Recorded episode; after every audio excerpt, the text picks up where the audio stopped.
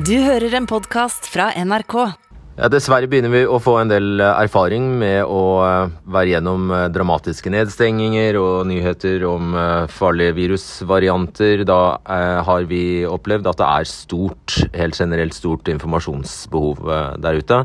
Så ja, tør nesten si dessverre, så føltes det veldig naturlig å ha en innringingssending med diverse spørsmål om korona, og vi fikk for så vidt rett. Responsen har vært overveldende. Det har kommet inn over 1000 spørsmål.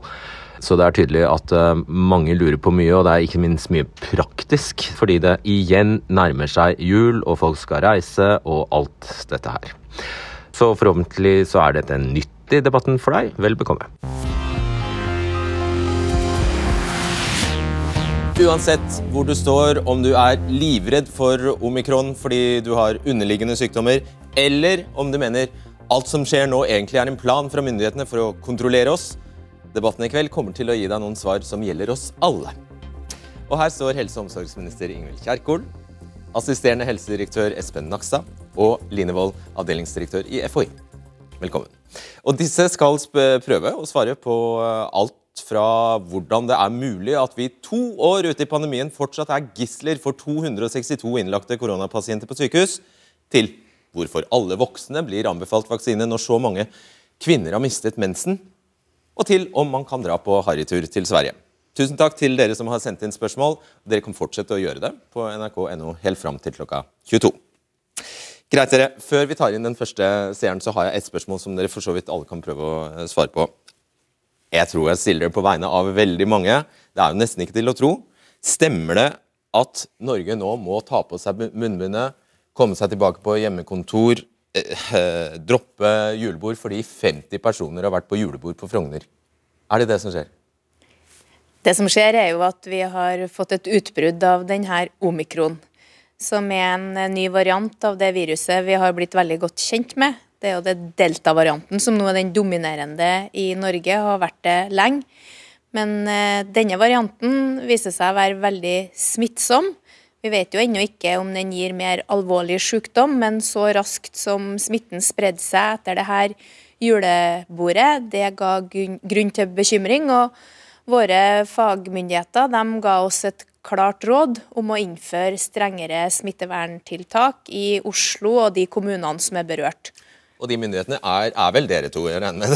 Det er det, det, dere det siktes til eh, da, så, så, vi formoder bare at dere har gitt dette rådet. Og hvis det nå skulle vise seg at denne omikron-varianten ikke er verre enn eh, en delta, da er vel dette en stor tabbe? Jeg tror man kan være ganske sikker nå, både på bakgrunn av de mutasjonene som er påvist, og det vi har sett i utlandet, og ikke minst nå i Norge de siste dagene, at denne varianten er mer smittsom. Og det at disse på dette julebordet faktisk var fullvaksinert alle sammen, og til og med testet på forhånd, og likevel ble de syke, det bekrefter den mistanken vi har hatt noen dager. Og det er det som er hele bakgrunnen her for at vi står i en litt vanskelig situasjon nå. Ja, men jo, er det noe dere har fortalt oss de siste ukene og månedene, så er det nå skal vi slutte å se på smitte. Og så kommer det mye smitte, og dere vet ikke om den mer, gir mer alvorlig sykdom. men her snakker dere bare om smitte, og så stenger landet. Fordi vi nå har vaksiner, så har vi blitt vant til en deltavariant som ikke har så store konsekvenser som tidligere, rett og slett fordi folk er godt beskytta av vaksinen. Og det hindrer jo veldig effektivt veldig mye smittespredning. Hvis vi mister den effekten av vaksinene, og smitten da plutselig spres veldig mye mer, så blir det også flere pasienter på sykehus, og det er det som er problemet. Fordi dere vet ikke ennå om vaksinen biter på? Vi vet i hvert fall nå at den ikke biter like godt på det å bli smittet og smitte andre. Om du er like godt beskyttet mot alvorlig sykdom, det vet vi foreløpig ingenting om. For det var ikke historien at det var fullvaksinerte som hadde vært på dette julebordet. Det, også, det var noen som sa i dag til og med at de hadde testet seg før de, før de gikk inn i lokalet. Ja, Så langt vi har informasjon om, så skal de være fullvaksinert, de som eh, var på dette julebordet. Men eh, vi må jo ta med i betraktningen også, når vi har gjort disse vurderingene rundt eh, nye tiltakene, så er det omikron-varianten som selvfølgelig har gjort at vi har gjort nye vurderinger. Men i tillegg så er det jo også situasjonen som har bygget seg opp over litt tid, med at vi har et høyt smittetrykk og ganske mange innlagte, og at sykehusene har gitt beskjed om at de er under stort press. Så det er en kombinasjon her. Når får vi vite om den er farligere, altså ikke i form av at den smitter mer, men om den gir mer alvorlig sykdom? Nå får vi vite det. Eh, nå foregår det jo masse undersøkelser og forskning rundt omkring eh, i verden der hvor man har oppdaget dette viruset, for å nettopp svare på de spørsmålene.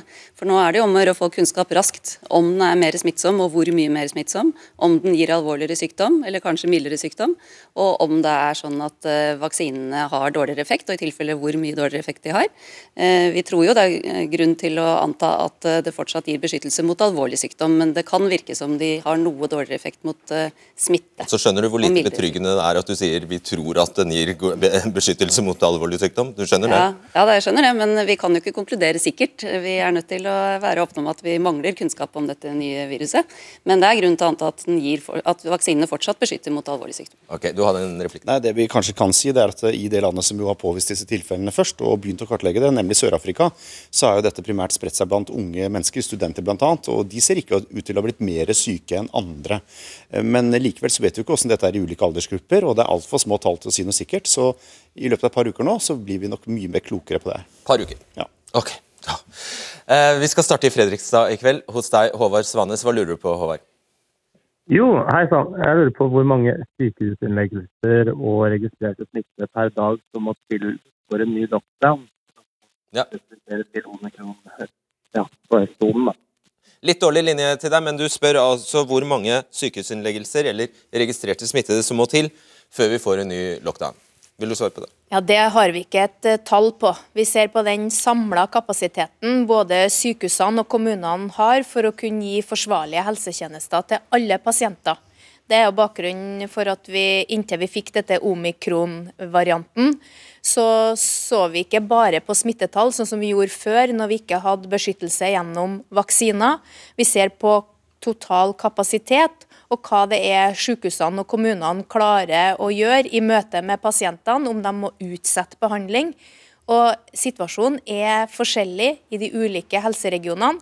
og Her er det mange tiltak man gjør for å møte alle pasienter som har helsehjelp. Men du vet at dette er et spørsmål de aller fleste ville egentlig bare kreve at du kunne svare på i dag, to år ute i pandemien. Fordi historien her var jo at Bent Høie allerede i mars i 2020 så sa han at antallet tilgjengelige intensivplasser ved norske sykehus i en kritisk situasjon der man tar i bruk alle tilgjengelige respiratorer, skulle være 12-1400.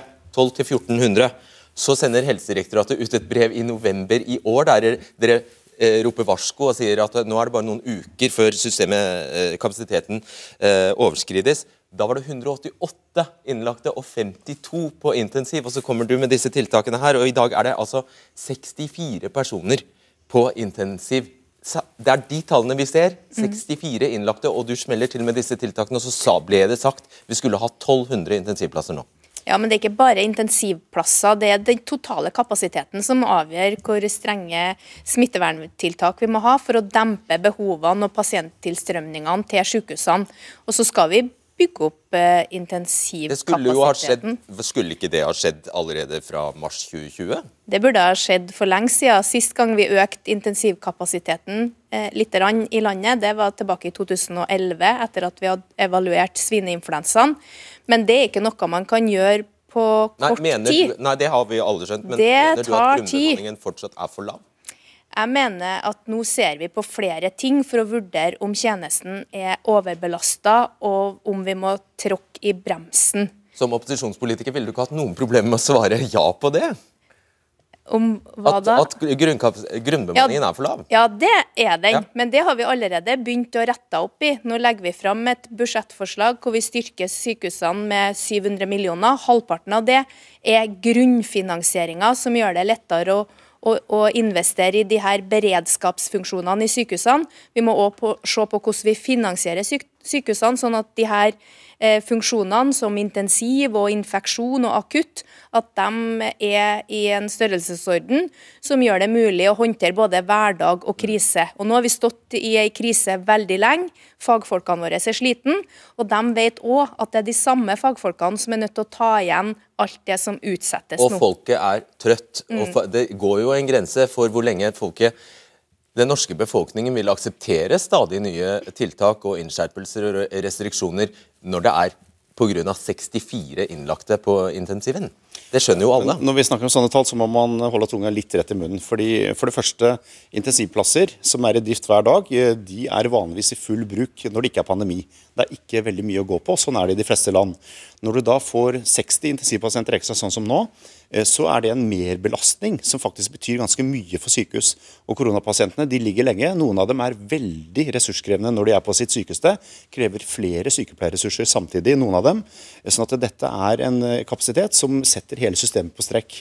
Og så må man huske at Det tallet 1200 som ble nevnt eh, av deg nå, det var jo et spørsmål på hvor mange kan man hjelpe til å puste i en helt prekær situasjon på toppen av smittebølge, kanskje i to dager. Ja, dere, klarer, får jo, og, og, dere, dere forteller oss aldri når den prekære situasjonen skal uh, inntreffe. Vi bare, alt vi opplever, er at dere smeller til med tiltak fordi dere sier det, er ille nok. Det prekære nå er jo at dette varer jo ikke to dager, dette varer i uker og måneder. Og da må man ta ned aktiviteten. Og så må folk vente på behandling og operasjoner. Og det blir et stort etterslep etter hvert, og det er veldig alvorlig for veldig mange. Ok. Ja, Da skal vi vestover, uh, og vi skal til uh, Selje i Stad kommune. Hvis jeg ikke tar helt uh, feil her. Ja, hei. Der er du Amalie Fure. Du er elev på videregående skole, og du har et spørsmål. Hva er det? Ja, hei. Jeg lurer på om det kan bli aktuelt med hjemmeskole enten nasjonalt eller regionalt nå fram mot jul. Ja, ikke sant? Sånn at man kan feire jul? Ja, jeg vil prøve. Det å stenge skolene det vil vi utsette i det aller aller lengste. Det er noe av det siste vi vil vurdere. Vi vil skjerme barn og unge. Nå gjøres det mye for å håndtere smittetrykket. I Oslo så massetester man elevene. Eh, det å stenge skolene og sende ungene hjem, det vil vi unngå. Jeg tror Amalie spurte om det kan bli aktuelt. Ja, og da sier jeg at det vil vi unngå i det lengste. Ok, greit. Tusen takk, eh, Amalie. Uh, ja, mens jeg uh, ja, Jeg står her fortsatt. Ja, ja, du har jo ikke noe valg.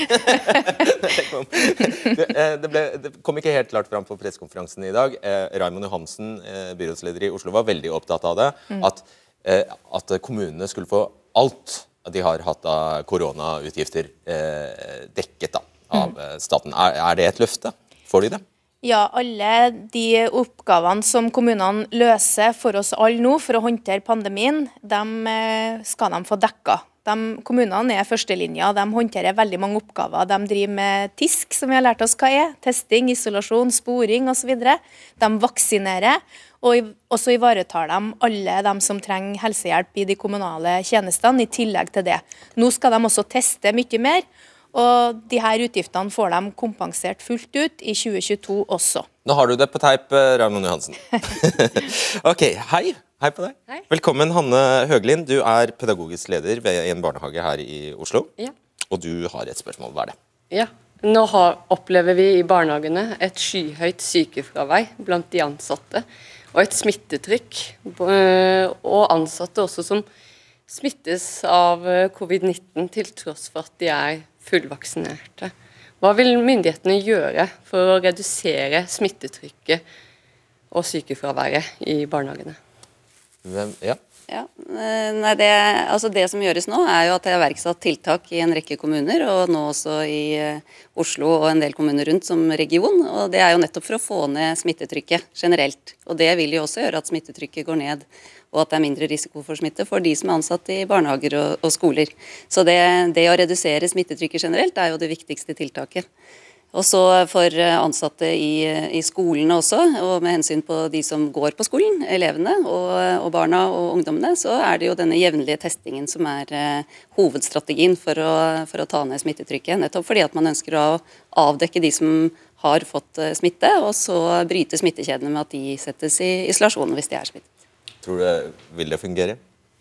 Det vi ser er at eh, det er ikke bare korona uh, som medfører høyt sykefravær, men at det har vært en høy arbeidsbelastning over lang tid og veldig mange virusinfeksjoner mm. som sprer seg blant barn. Uh, og også mye skjult smitte som gjør det vanskelig for smittesporingsteamene i bydelene å oppdage hvor kommer smitten fra. Fordi barna kommer i barnehagen med forkjølelsessymptomene sine på dag tre, øh, og smitter da ansatte, som igjen må i isolasjon og fører til økt vikarbruk og økt arbeidsbelastning for de som er igjen. Jeg sier tusen takk for at du kom, Hanne. Takk. Hjertelig takk. Vi går bare videre til deg, Karen Thorsen. Jeg tror du skal eh, være med oss på FaceTime. Der er du. Hei på deg. Hei. Hei, Du har et spørsmål om selvopplevde bivirkninger. Fortell. Altså, jeg er en uh, 27 år gammel uh, kvinne uh, som har fått eh, mensforstyrrelse. Eh, min eh, blødning har eh, uteblitt i flere måneder. Jeg har vært hos eh, legen og sjekket dette opp, og han mener at det er mest sannsynlig en bivirkning av eh, vaksinen. Eh, nå er det jo sånn at eh, vi blir bedt om å vente, eh, vi som har fått bivirkning. Eh, men så likevel sies det at vi alle bør ta neste dose. Og så er jo mitt spørsmål da eh, hvorfor skal vi utsette andre mennesker for potensielle bivirkninger, eh, når vi allerede ser at det er veldig mange som har fått bivirkning. Eh, jeg liksom setter spørsmål på hvor går grensen. Eh, jeg syns det er skremmende å tenke over at eh, det er mange som har fått bivirkning. Um, så ja, jeg bare Jeg vil bare ha svar. Og Du er 27 år, og for deg er det jo da selvfølgelig ganske krise å miste mensen. Så klart. Vil du svare, Linemann? Ja, eh, først bare si at Vi tar jo rapporterte bivirkninger på det største alvor og samler inn eh, informasjon om det. Og, og gjør vurderinger rundt eh, om det er sammenheng da med det som blir, mellom det som blir rapportert, og om, om det er sammenheng mellom det og, og vaksinen. Fordi Vi vet jo at f.eks. dette med blødningsforstyrrelser er jo noe som forekommer også i populasjonen ellers, altså blant folk som ikke har vaksinert seg. Så vi må på en måte sammenholde da hvor hyppig det er med blødningsforstyrrelser generelt, og hvor hyppig det er blant de som har vaksinert seg. og Dette er vi jo i ferd med å undersøke nå. Så, så vi, er, eh, vi tar på alvor alle bivirkninger som rapporteres, og går grundig inn i det. For å, Sier dere ikke da til, eh, til kvinner som opplever dette, at de venter vent med å ta vaksinen? Nei, det vi sier er jo at, eh, at det Tredje dose, f.eks., eller andre dose? Andre dose, ja. At det, det kan vurderes eh, av den som eh, opplever blødningsforstyrrelsene, og legen, om de vil ta eh, videre vaksine eller ikke. Det er et kjønnsaspekt eh, også her. er det flere som påpeker Det er registrert flere tilfeller av eh, menstruasjons- og og blødningsforstyrrelser hos eh, kvinner enn det er registrert eh, tilfeller av betennelse i, i hjertemuskelen og hjerteposen blant eh, menn. Og dere fjernet jo Moderna-vaksinen eh, fra vaksinasjonsprogrammet for menn under 30 år. Hvorfor, hvorfor forskjellsbehandler dere kjønnene sånn? Nei, Her er det ikke en like nøyaktig sammenheng gjennom vaksinetype og den type bivirkninger hos kvinner, meg bekjent. Men, men når man fikk signal om at, at en vaksine ga økt forekomst av hjerteposebetennelse eller hjertemuskelbetennelse hos unge menn, så var det klart grunnlag for å gjøre noe med det. Men det som er viktig å huske på, det er at får du korona, så kan du også få denne type effekter. Og for mange av bivirkningene, eller de virkningene som her nevnes, så er det jo mye større forekomst blant de som blir syke, enn blant de som blir vaksinerte. Det er selvsagt også med i regnestykket, og det er det som legemiddelmyndighetene vurderer når de da godkjenner vaksiner. Men Man får ikke hjerteposebetennelse av korona? Det kan man også få. Kan man det? Eh, Ja da, og man kan få det også helt uavhengig av korona. Sånn at eh, Det er en sammenheng her som man må se inn på. Og så er det selvsagt viktig å finne ut eh, er det en økt forekomst nå som relateres til vaksinen. Så er det veldig viktig kunnskap, og her vil vi få vite mer nå. Særlig på det med blødningsforstyrrelser, fordi dette er blitt rapportert i mange land. Tusen takk, eh, Karen. Det er mange som har skrevet til oss og vært bekymret for akkurat det samme. Så tusen takk. Ok, Neste spørsmål eh, kommer fra Unni Solvang Fredheim, hvis jeg ikke tar helt feil. Du er med oss fra Eids... eh, Du er med på telefon fra Eidsvoll, Eidsvoll? Ja, hei, hei, hei. Du har Hei, et spørsmål om testing, stemmer det? Jo, jeg har et spørsmål. Det er at jeg spør om det er tre full... Nei, jeg er eh, fullvaksinert tre ganger, både jeg og mannen min. Og vi skal besøke noen som er også eh, fullvaksinert tre ganger. Vi lurer på, må vi teste oss på forhånd da? Ja, Godt spørsmål. Må, må de, bør de det? Må de det? Det er ikke noe krav om det i Norge. Det er noen i Norge du skal besøke, eller? Ja, i Norge. Ja. Nei, det viktige er jo at eh, dere er sunne og friske, at dere ikke har symptomer på luftveisinfeksjon eh, når dere skal på besøk til hverandre. For det rådet er jo da at man skal holde seg hjemme og teste seg. Men eh, og utover det så er det ikke noen krav til noe test fordi om man skal på besøk til noen. Ok, tusen Ja, ikke sant? Der fikk du jo faktisk et tydelig svar. Tusen takk, Unni. Da har vi fått et nytt besøk. Hei, hei. Da har vi fått et nytt besøk i studio her. Det er deg, Katrine Høgseth Nordhus. Eh, Du kommer fra Oslo og har et spørsmål om vaksinering av unge. Ja. Eh, Det er jo i de yngste aldersgruppene at smitten eh, er størst nå, så det er jo de unge som faktisk driver pandemien. Eh, Jeg lurer jo på hvorfor det ikke er noen som tør å spørre om det tiltaket som er trygt, eh, målrettet og riktig akkurat nå. Det er hvorfor er det ingen som snakker om å fullvaksinere de unge. Altså, og med unge mener du da? Unge mener de mellom 12 og 15 år. Eh, Det vil automatisk bidra til at smittetrykket tas ned i samfunnet, og jeg tror jo at det er det riktige veien å gå. Jeg vil si at nå Fullvaksinere 16- og 17-åringene. De skal få dose to. Eh, Når det gjelder aldersgruppen 12-15 år, som du spør om, så har vi gitt eh, FHI et oppdrag om å vurdere det. og Det er jo sånn her i Norge at det er FHI som vurderer og anbefaler hvem som skal få tilbud om eh, alle vaksiner, men også koronavaksinene i særdeleshet. Så det kan sikkert FHI svare litt Ja, Eh, Ja, for her er det mange som er utålmodige, mener dere bruker for lang tid. Ja. Eh, Vi gjør grundige vurderinger eh, for eh, alle aldersgruppene før vi gir anbefaling om det. Og det er vi i gang med. Men det er også Ja, unnskyld. Ja, og så til det med at barna driver smitten. Vi oppdager jo veldig mye smitte hos barn og unge, og det har nok også litt sammenheng med at vi tester mye i de gruppene. Og så har vi testet mindre blant de som er vaksinerte, naturlig nok, og, og blant de eldre gruppene. Men vi har ikke full oversikt over bildet egentlig i Norge nå, fordi vi tester ganske skjevt. Vi tester veldig mye blant barn og unge. Men du, det at, dere, at dette lar venter på seg, og dere fortsetter å, å vurdere, vurdere betyr, det at det, betyr det at det er farligere for 12-15-åringer å få dose to enn for andre? Det som er hovedspørsmålet er jo egentlig hvilken nytte de har av vaksinen, og så holde det opp mot eh, hvilken risiko det er for bivirkninger. Og Ja, så jo- Da tror jeg spørsmålet mitt står ved lag. Ja, altså. For de eh, yngste så er det jo sånn at dette er en lite alvorlig sykdom, så de har på en måte mindre å vinne på å vaksinere seg eh, personlig enn enn det man har når man er eldre. Dette er jo en sykdom som er spesielt farlig for de eldste. Og I andre land ser vi at det er snakk om å vaksinere 5-12-åringene. Det er ikke engang vurdert her. eller? Jo, der har FHI gitt en anbefaling ned til fem år for dem som har alvorlig sykdom. Stemmer ikke det? Eh, Ja, det- Og skal få en mindre dose. Ja, sånn at Det vurderer vi på en måte i to trinn. Det ene er de som har en eh, underliggende tilstand det, som gjør at de er spesielt utsatt for alvorlig forløp. Og det andre er resten av 50-11-åringene, om de skal vaksineres eller ei. Jeg syns det er litt besynderlig at Norge er det siste landet ut. Jeg vil jo anbefale FHI å lese beslutningsunderlaget til Tegnell. Det sier at hvis du vaksinerer den gruppen i Sverige, så vil du unngå 90 000 eh, infeksjoner blant akkurat den aldersgruppen, og 190 000 ellers i samfunnet. Hvis du deler det på to, som er den norske befolkningen, så har du et ganske tydelig bilde på at det faktisk har nytte for barna. Vi er i god kontakt med Tegnell og våre nordiske kolleger, så jeg kan betrygge dem med at vi tar med den informasjonen også i våre beslutninger. Så da syns jeg at dere skal få vaksinene opp og fullvaksinere så fort som mulig. Tusen takk. Tusen takk, Katrine. Vi hopper videre til Isabel Bergan Hannevig fra Lampeland nord for Kongsberg, hvis jeg ikke tar feil. Hva vil du spørre om? Ja, du, jeg er nyutdanna sykepleier og skal snart ut i jobb. Eh, Jeg er ikke noe vaksinemotstander, men når jeg føler jeg veit for lite om den vaksina her, så har ikke jeg ønska å vaksinere meg enda.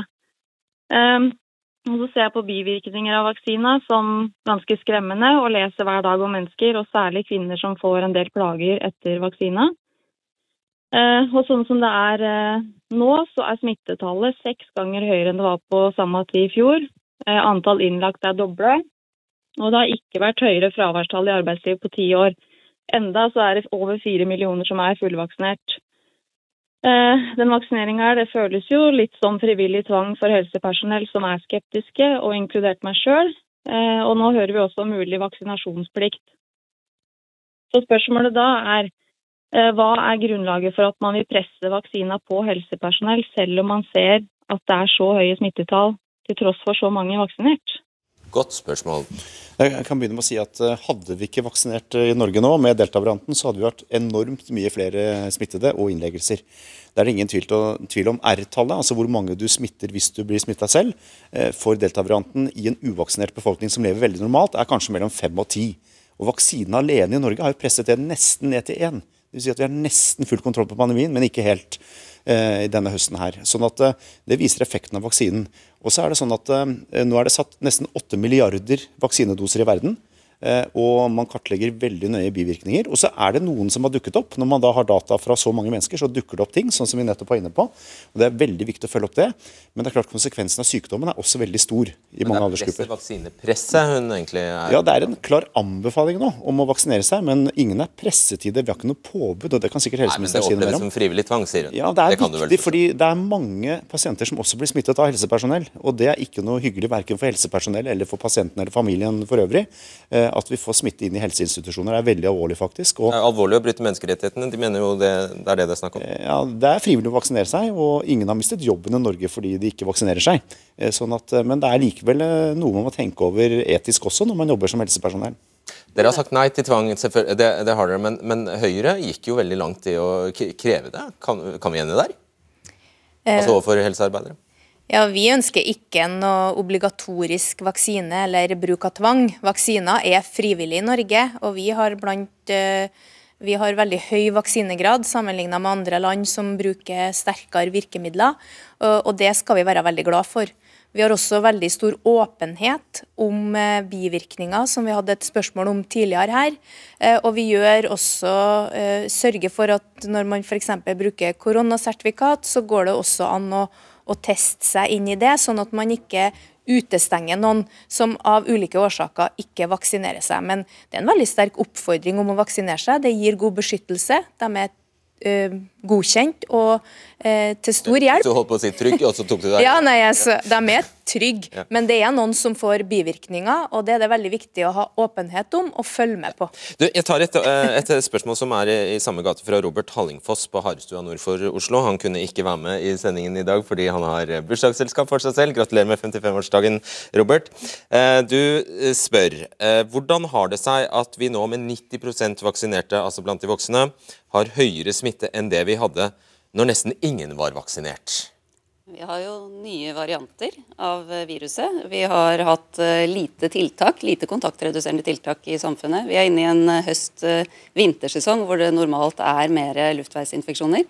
Så alt dette bidrar jo til at smittetallene har eh, gått eh, opp. Og samtidig så har vi en ganske godt gjennomvaksinert befolkning i forhold til veldig mange andre land. Og det gjør at situasjonen er helt annerledes enn om vi ikke hadde hatt en såpass god vaksinedekning. Men dere har jo tatt så feil om denne vaksinen. Dere sa først at den skal få slutt på pandemien. Dere sa man ble beskyttet. Dere sa man verken skulle bli smittet eller smittet videre. Og så se, er vi i en situasjon der fullvaksinerte nå, fullvaksinerte nå både smittes og smitter. Jeg tror vi har vært ganske åpne på at eh, dette med hvor god beskyttelse det er mot smitte, at det har vært et eh, åpent spørsmål ganske lenge. Det har vi prøvd å belyse, i hvert fall. Kjenner dere det- overhodet ikke igjen i den, i den Jo, fortellingen? men, men jeg tror i den fortellingen så må vi huske vi hatt i hvert fall tre hovedvarianter i Norge nå. Den første Wuhan-varianten da, som vi hadde det første året, fram til eh, litt som ut på nyåret som var i tidlig 2021, den ble jo utryddet fra Norge pga. de smitteverntiltakene vi hadde i fjor vinter. Da husker vi hadde disse regionale tiltakene rundt Nordre Follo og sånn. Da ble den borte etter hvert. Dessverre så fikk vi alfavarianten da, fra Storbritannia. Eh, og den var mer smittsom, og derfor så krevde den både tiltak og vaksine. Men den forsvant inn mot sommeren i år. Og pandemien hadde vært over i Norge hvis ikke vi hadde fått delta-varianten. Og så har jo vaksinen hjulpet oss med den. Men dessverre nå da, så har vi kanskje en ny variant på, på gang. Og sånn er det i pandemier. Og det er utrolig vanskelig å forutsi hvordan det faktisk blir framover.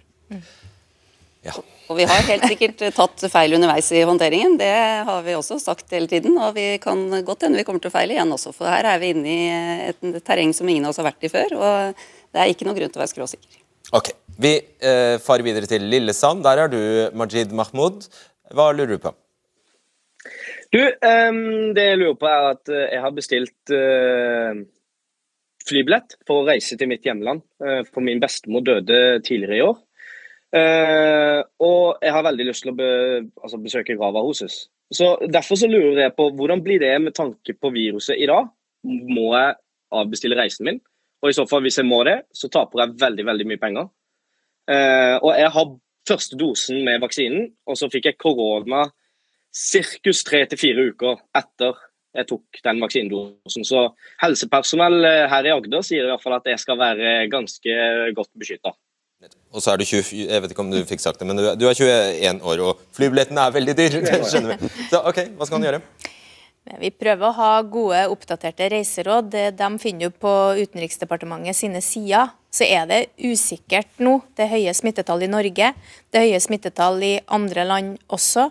Eh, Sånn at man må følge med og ta ansvar. Og så det er kanskje litt fattig trøst akkurat nå, da, men jeg vil jo også oppfordre til å kjøpe fleksible flybilletter, fordi at ting kan endre seg på kort tid. da. Kanskje det er for seint? Ja, det høres sånn ut. Men man må følge med på situasjonen, og det er usikkert. Denne pandemien har vært lunefull helt fra start. Hva ville du ha gjort, da? Ville du ha, ville du ha reist i januar? Jeg ville ha kjøpt fleksible billetter, i hvert fall, men det høres ut som han kompisen vår ikke har hatt. ja.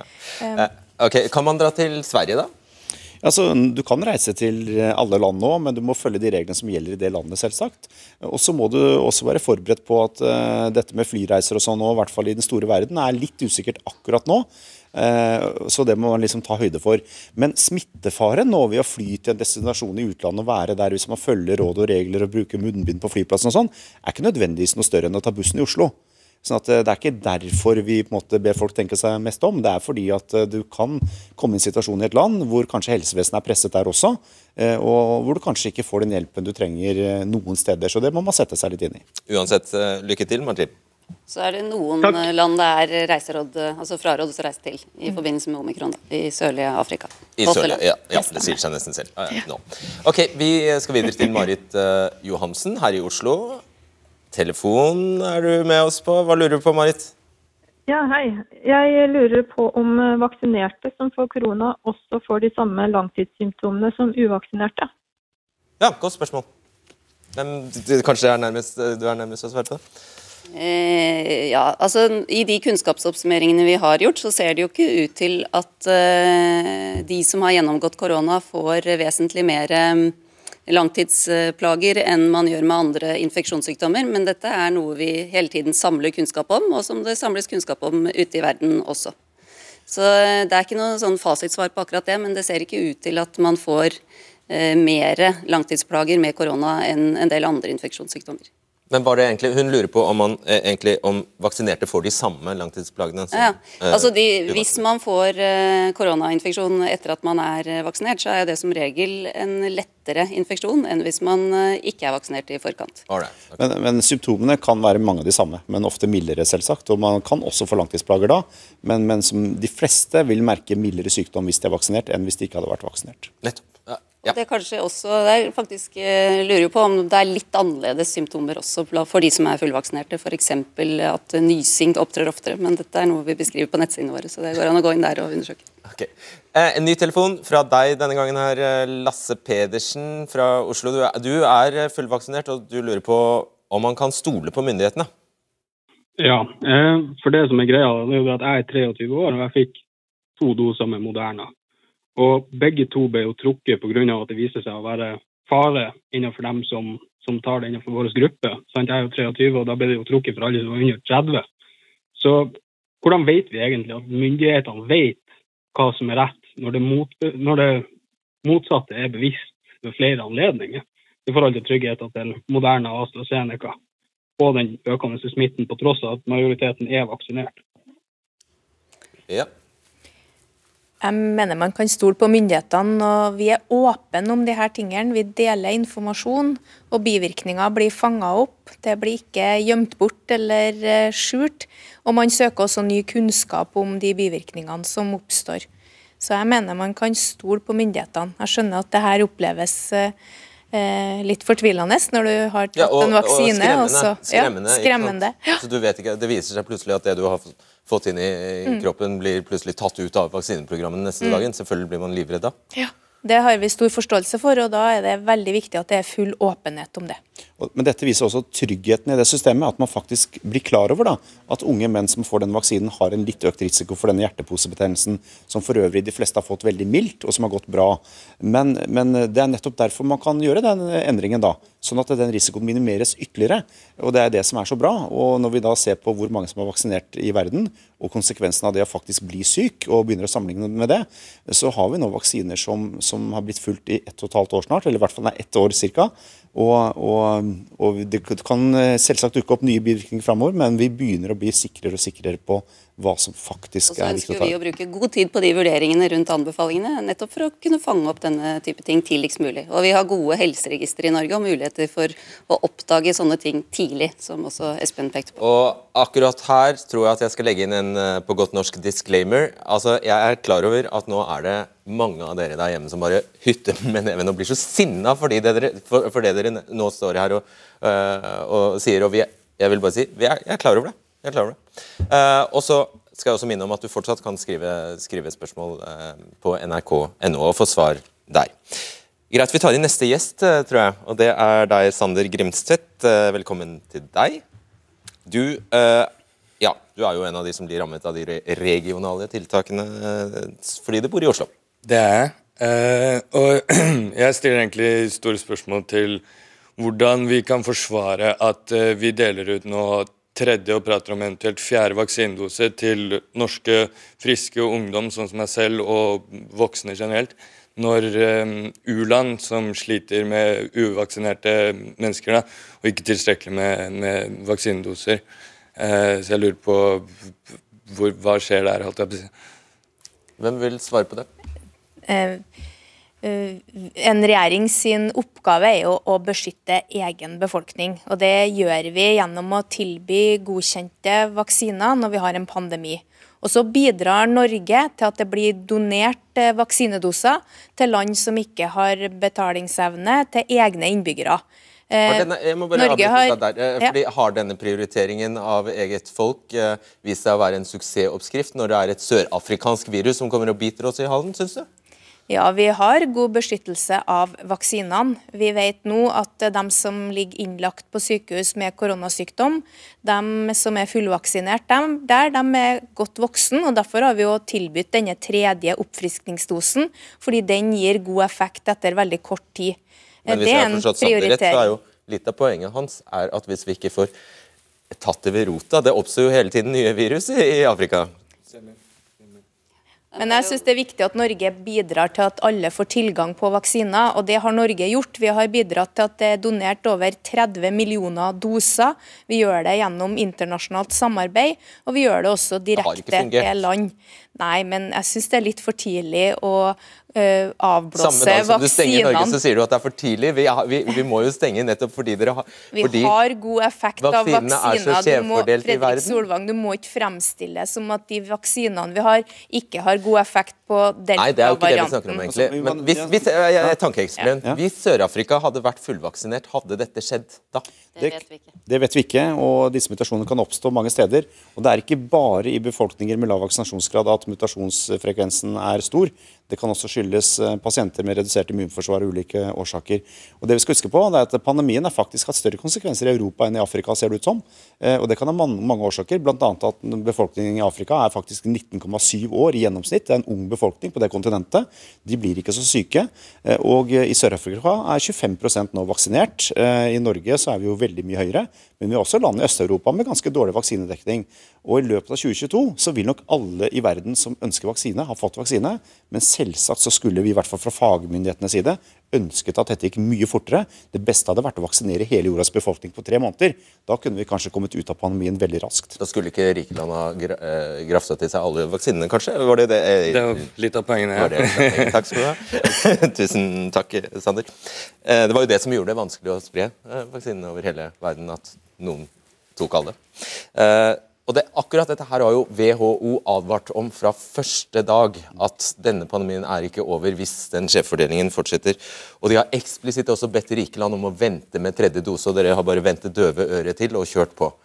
Får vi ikke som fortjent nå? Er det ikke det som skjer? Jeg tror eh, vi alle er opptatt av at vi skal få eh, mer rettferdig vaksinefordeling og få vaksinedekningen opp også i andre land. Og så er det spørsmål om hvordan man skal gjøre det, og det jobbes det jo aktivt med via internasjonalt samarbeid. og Der bidrar jo Norge også. inn. Ja, men vi snakker jo om vi kunne vært dette foruten, om den situasjonen med stadig nye mutasjoner hadde blitt Risikoen for det hadde blitt, eh, hadde blitt mindre hvis vi hadde fordelt vaksinene bedre. Det er helt klart viktig å få opp vaksinedekningen over i alle land. Ja, det er si ting. Det er 7,8 milliarder mennesker på jorda. Eh, Og eh, det er jo andelen av de 7,8 milliardene som blir vaksinert, som betyr mest. Eh, og Det betyr ikke så mye hvor du bor, annet enn at det selvsagt kan påvirke smittespredningsmønsteret. Men vi kunne uansett ikke vaksinert flere av de 7,8 milliardene med to doser nå enn det man har hatt vaksiner til. Så det er litt forenklet å, å peke på denne skjevfordelingen som årsak til mutasjonene. Kan ikke utelukkes, selvsagt, og det beste hadde vært om vi kunne unngått det. Men, men det er litt for enkelt å si at det er en fasit. Skjønner. Ok, Der har vi deg, Karoline Kuven fra Bømlo. Hva lurer du på? Hei. Hei. Jeg lurer på hvorfor vi bare snakker om vaksinen, og hvorfor vi ikke snakker om de medisinene som har dokumentert virkning, og som brukes på innlagte koronapasienter. Hva skjedde egentlig med den delen av debatten? Ja, Godt spørsmål, for det finnes i hvert fall to godkjente medisiner nå, gjør det ikke? Det har kommet to medikamenter nå som eh, viser seg faktisk å ha effekt. Eh, de må brukes tidlig helst innen tre døgn for å ha god effekt. Men det er for første gang et hjelpemiddel i denne pandemien som ikke bare er vaksine, sånn medikamentelt sett. Og det er veldig bra. og Norge har jo i samarbeid med EU gått inn for å anskaffe det og kunne bruke det. Eh, det vil ikke løse alle problemer, men det vil kanskje gjøre det litt lettere på sykehusene etter hvert i, i mange land. Så bare for å forstå det, Dette er medisiner du tar etter at du har fått infeksjon? Ja, du, Hvis du får påvist diagnosen tidlig og du er i en risikogruppe f.eks., så er det å kunne da få den medisinen, de tablettene, det vil kunne gjøre at du blir mindre syk.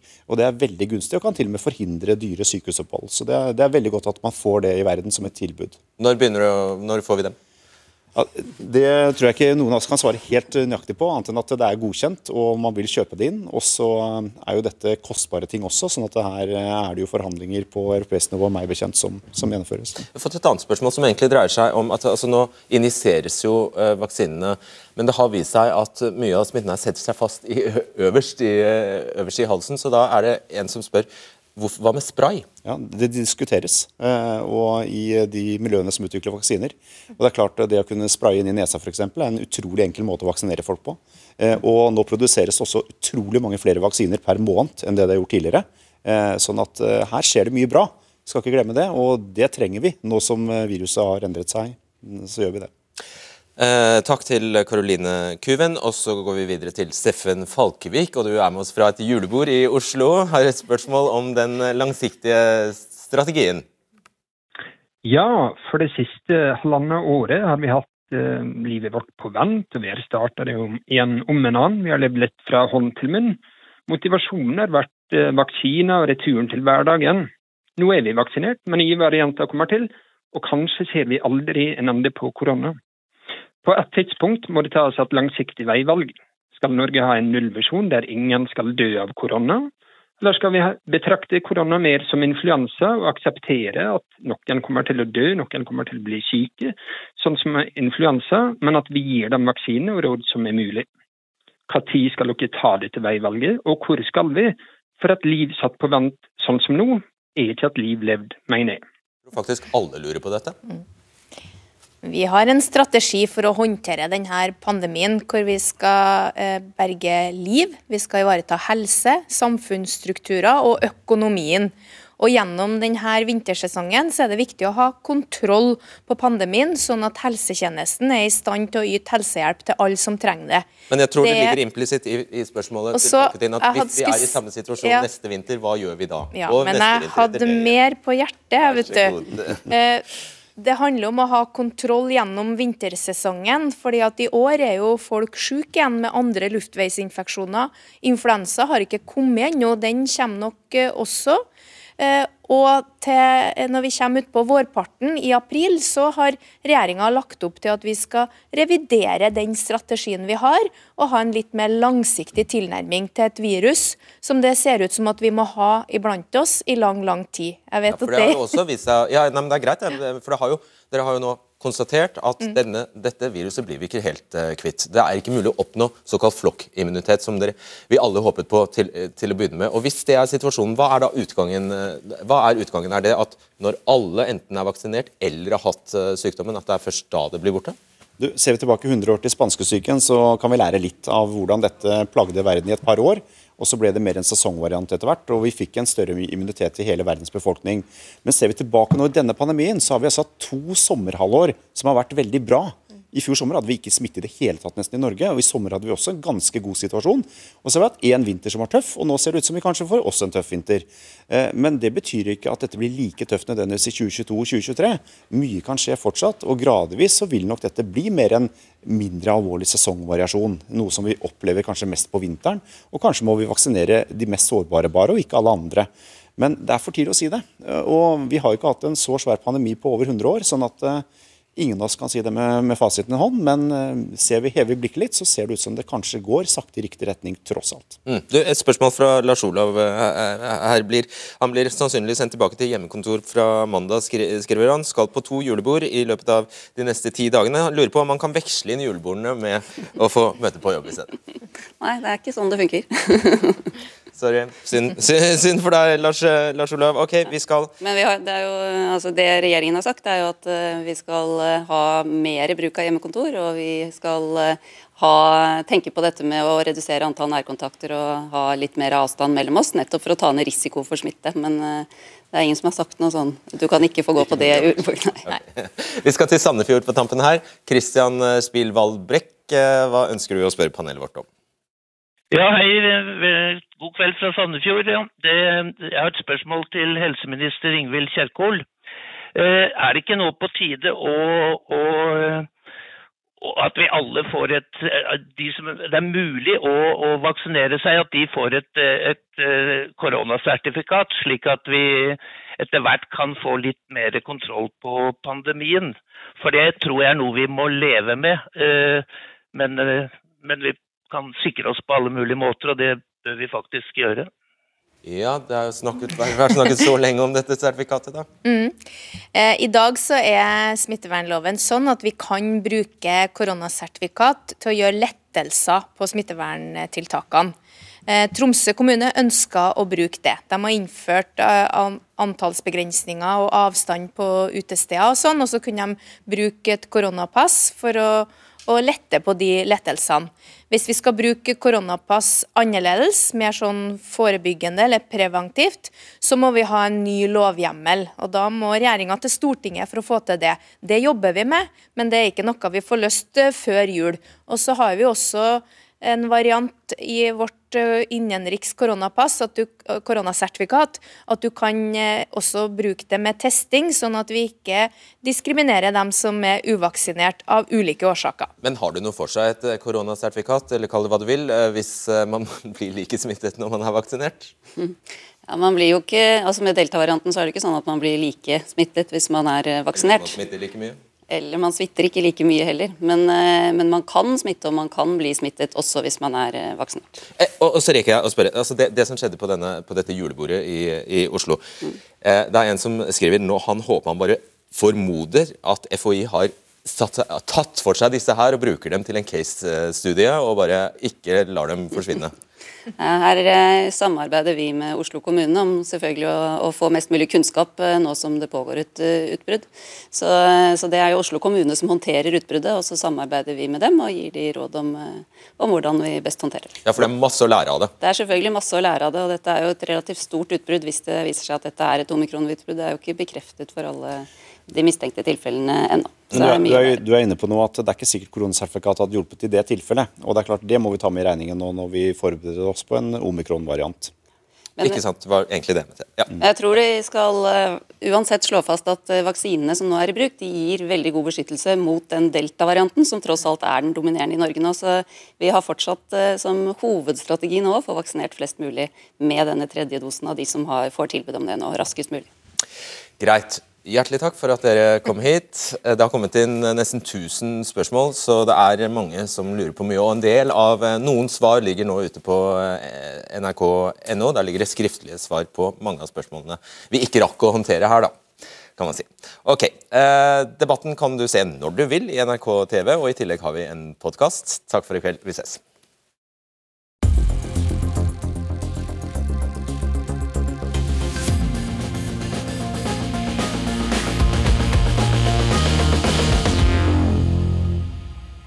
Ja, og jeg skal bare utdype den disclaimeren jeg hadde her, som vel på norsk jeg tenkte på det var det norske ordet for det, kunne kanskje ha sagt fotnote.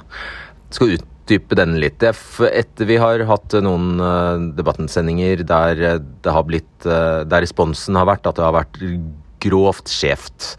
Og det har vi for så vidt uh, tatt til oss.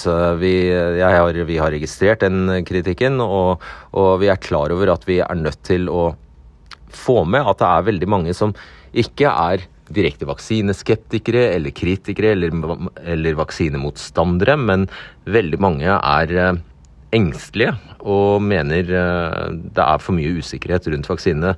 Og det viser jo tallene også. Det er jo mange hundre tusen som ennå ikke har villet eh, la seg vaksinere i Norge. Men så er noe av problemet, opplever jeg, at det er et stort, stort flertall som er for tiltak, og som, som er på helt andre siden. Eh, det må vi også ta hensyn til, og fagfolkene er jo nesten unisont på den ene siden. Så det er ikke bare bare å sette opp et eh, balansert eh, panel, hvis noen skulle tro det. Og så er det jo en del konspirasjoner eh, inne i bildet her, og de skal vi ikke bringe til torgs. Så eh, ja, jeg syns dette Jeg sa det i forrige podkast, dette er altså et av de vanskeligste landskapene å manøvrere i for en debattredaksjon, og faktisk så vanskelig at uh, vi har utsatt det når vi har uh, kunnet det. Men det er klart, uh, vi kan ikke gjøre det til evig tid. Så sånn er det. Ok, jeg tror jeg gir meg der. Ha det bra. Du har hørt en podkast fra NRK. De nyeste episodene hører du først i appen NRK Radio.